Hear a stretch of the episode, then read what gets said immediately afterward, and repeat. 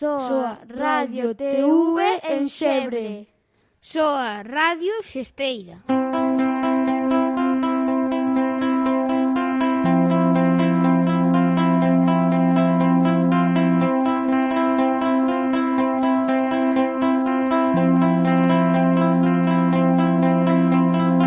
Benvidos nun día tan especial para nós, un día tan importante porque estamos aquí cunha persoa moi especial que manexa unha parte esencial da política. Sí, estamos aquí co excelentísimo presidente do Parlamento Galego, don Miguel Ángel Santalices Vieira. Moi boa, señor presidente. Moi bo día. Encantado de saudarvos a todos e a todas, que hoxe veñen con vos tamén moita, moita xente que vos ven acompañando, profesores e compañeiros vosos. Encantado de que estedes no Parlamento. Espero que disfrute coas nosas preguntas e compartamos un bo rato. Comezamos. Moi ben. Somos Sara, Xiana, Xavi, Andrea, Elías, Tati, Nuno, Alejandra e Mila, de sexto de Educación Primaria, e gustaríanos contar coa súa participación para a nosa radio, a radio do colexio, Radio Xesteira. E agora, sen enrolarnos máis, comecemos coas nosas preguntas. É difícil manexar un parlamento como o galego? Bueno, ten o seu aquel, vamos a decirlo ten, ten días, eh, pero eh, eu que xa levo algún tempo eh, non, non me está resultando especialmente difícil porque eh, os deputados eh, teñen a ben eh, seguir máis ou menos unhas normas de comportamento eh, de funcionamento do Parlamento. E como as están cumplindo eh, non fan difícil que, que se poida eh, manexar o Parlamento. Polo tanto, neste momento non é, non é difícil, inda que hai algún día que ao mellor, pois, cun debate pode ser ou un asunto pode ser moito máis interesante, e teñen entre eles unhas pequenas discusións, pero unha vez que media o presidente a cousa non vai a maiores. En definitiva, non é moi difícil manexar este, este Parlamento. Outros é máis complexo. Como consegue vostede atender a tantos políticos á vez nun lugar tan grande como é un Parlamento? Ten algunha estrategia? Home, algunha estrategia, sí. Eh, a estrategia é eh, tratar de, eh, de levarse ben con eles, de levarse ben con todos e de que pese a que aquí se discute e se fala eh, de política, eh, non nos podemos esquecer que somos persoas todos e o que é importante fora da política ter tamén pois unhas conversas e, e ter unha eh, incluso unha relación boa eh, con todos os deputados e con todos os eh, compañeiros do, eh, do Parlamento. Eso creo que é eh, a estrategia. A mellor estrategia é procurar levarse desde, o punto, des, desde como personas, levarse ben eh, con todos os deputados e deputadas. Ahora que xa temos algo máis de confianza. Cal é o motivo polo cal elixiu esta profesión? Pois, eh, a de, dices a de ser ahora presidente do Parlamento.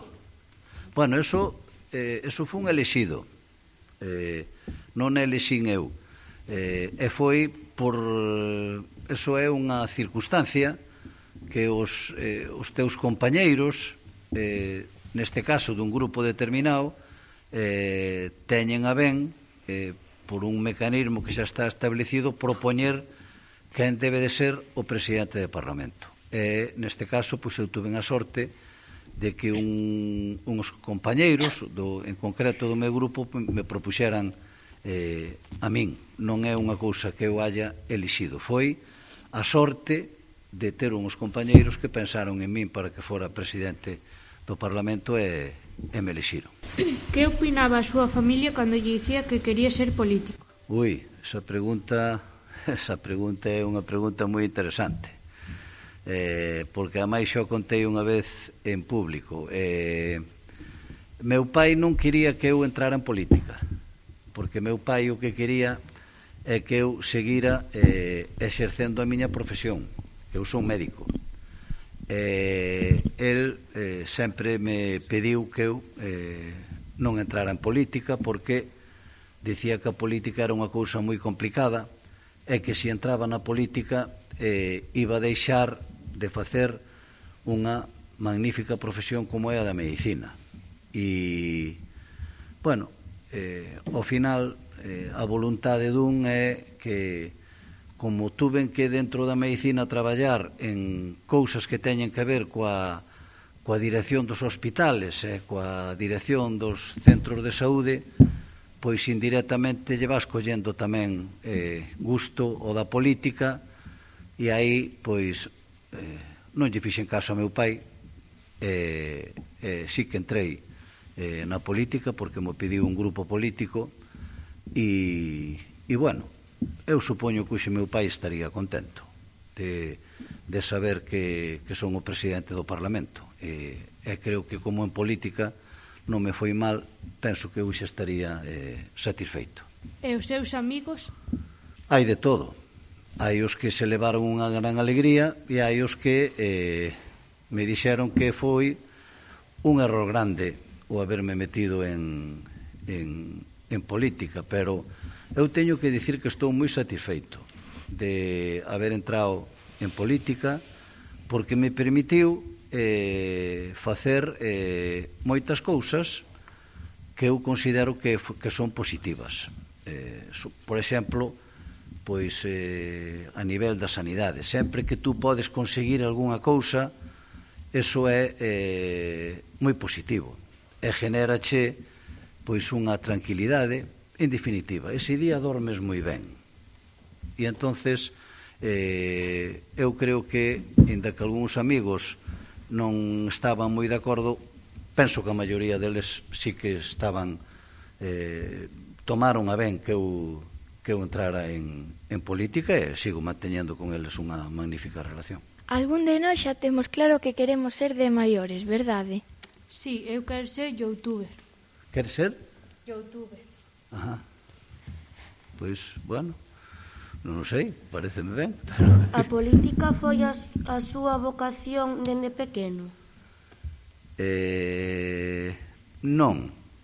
Eh, aínda que eh, desde pequeno non, pero eh, cando entrei na universidade, sí que xa empecé a ter eh, unha certa inquietud política. O sea, empezou a interesarme un pouco a política, porque, bueno, os estudiantes universitarios reuníamonos e eh, de vez en cando falábamos eh, de cousas que tiñan que ver ca política. E aí empezou, digamos, a, a miña primeira eh, entusiasmo por, eh, por a política. Depois foise agrandando co paso do tempo e, e cando máis interés eh, me entrou eh, collín por a, por a política e cando xa era médico e estaba traballando na dirección dun hospital porque na dirección, nun hospital necesitanse moitas cousas.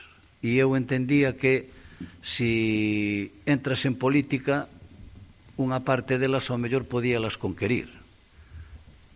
E por eso eh, me empezou a, e din o paso de, de, de meterme en política. O sea que unha vocación, digamos, de, de xoven, pero non, non de neno, non de moi atrás. O sea que, sí, podemos dicir que empezou na universidade. Pero poñámonos cunha temática máis seria. Pode que xexa algo repetitivo. Que? Gustaríalle adicarse a outra cousa e se poider elixir ceder no tempo? Eh eso tamén é unha pregunta interesante, porque hoxe mm, eu sinto eh, unha unha envidia moi sana por os meus compañeiros médicos. A mí me gustaría, se si pudera, eh, exercer a medicina, porque é unha das profesións máis bonitas que hai. Eh, hoxe co tema da pandemia, eh, vin o esforzo e o traballo que fixeron todos os meus compañeiros sanitarios. E iso a min me encheu de, de orgullo, ver como traballaban. Entonces, si eu pudera volver atrás, eh, casi con toda a seguridade que escollería eh, exercer a, a profesión de médico que, por circunstancias da vida, non exercín, pero que reconozco que é unha das profesións máis bonitas que hai e animo-vos a moitos de vós, se podedes, que estudiedes medicina. Primeiro, porque nos fan falta médicos, moitos, médicos e médicas, fan nos falta moito. E segundo, porque é unha profesión que ten unha carga de humanidade moi grande. Entonces, non sei, seguro que desta mesa ha de salir ao mellor dous ou tres médicos ou médicas. E eu, eh, si podo, animarvos eh, adiante. Entón se tivera que ausentarse durante unha tempada, que político actual ou que traballe con vostede considera que podería ver ser o seu mellor substituto? Por que? Eso xa está establecido. Eh, hai un regulamento que eh, temos unha norma que xa está escrita que no caso de que eu non poida estar ou no caso de que eu de Oronoqueira teña unha enfermedade ou unha situación que me impida eh, exercer eh, o ser presidente do Parlamento que me ten que sustituir é o vicepresidente ou vicepresidenta.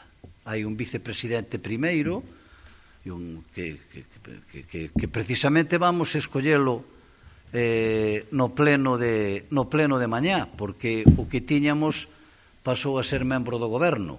E entonces ao estar no goberno non pode estar como vicepresidente do Parlamento. Entón, mañá vamos a escollelo eh, nunha sesión que se empeza pola tarde e ese é o que realmente me ten que sustituir a min no suposto de que eu non pode exercer a presidencia. Está xa, eso xa está escrito, e aí non se pode cambiar.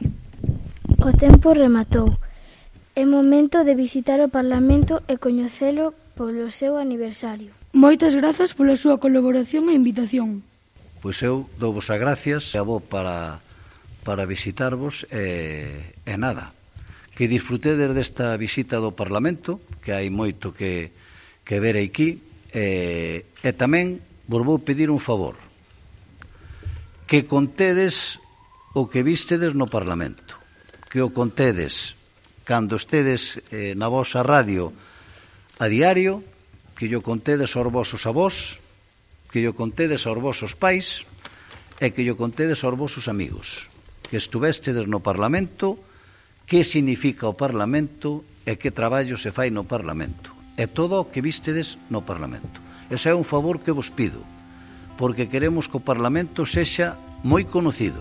Entón vos seguro que nos axudades a que o Parlamento sexa máis conocido. E moitas gracias, entonces, por esta entrevista. Foi Radio Xesteira. Foi no Parlamento de Galicia, co CPI Virxe da Cela.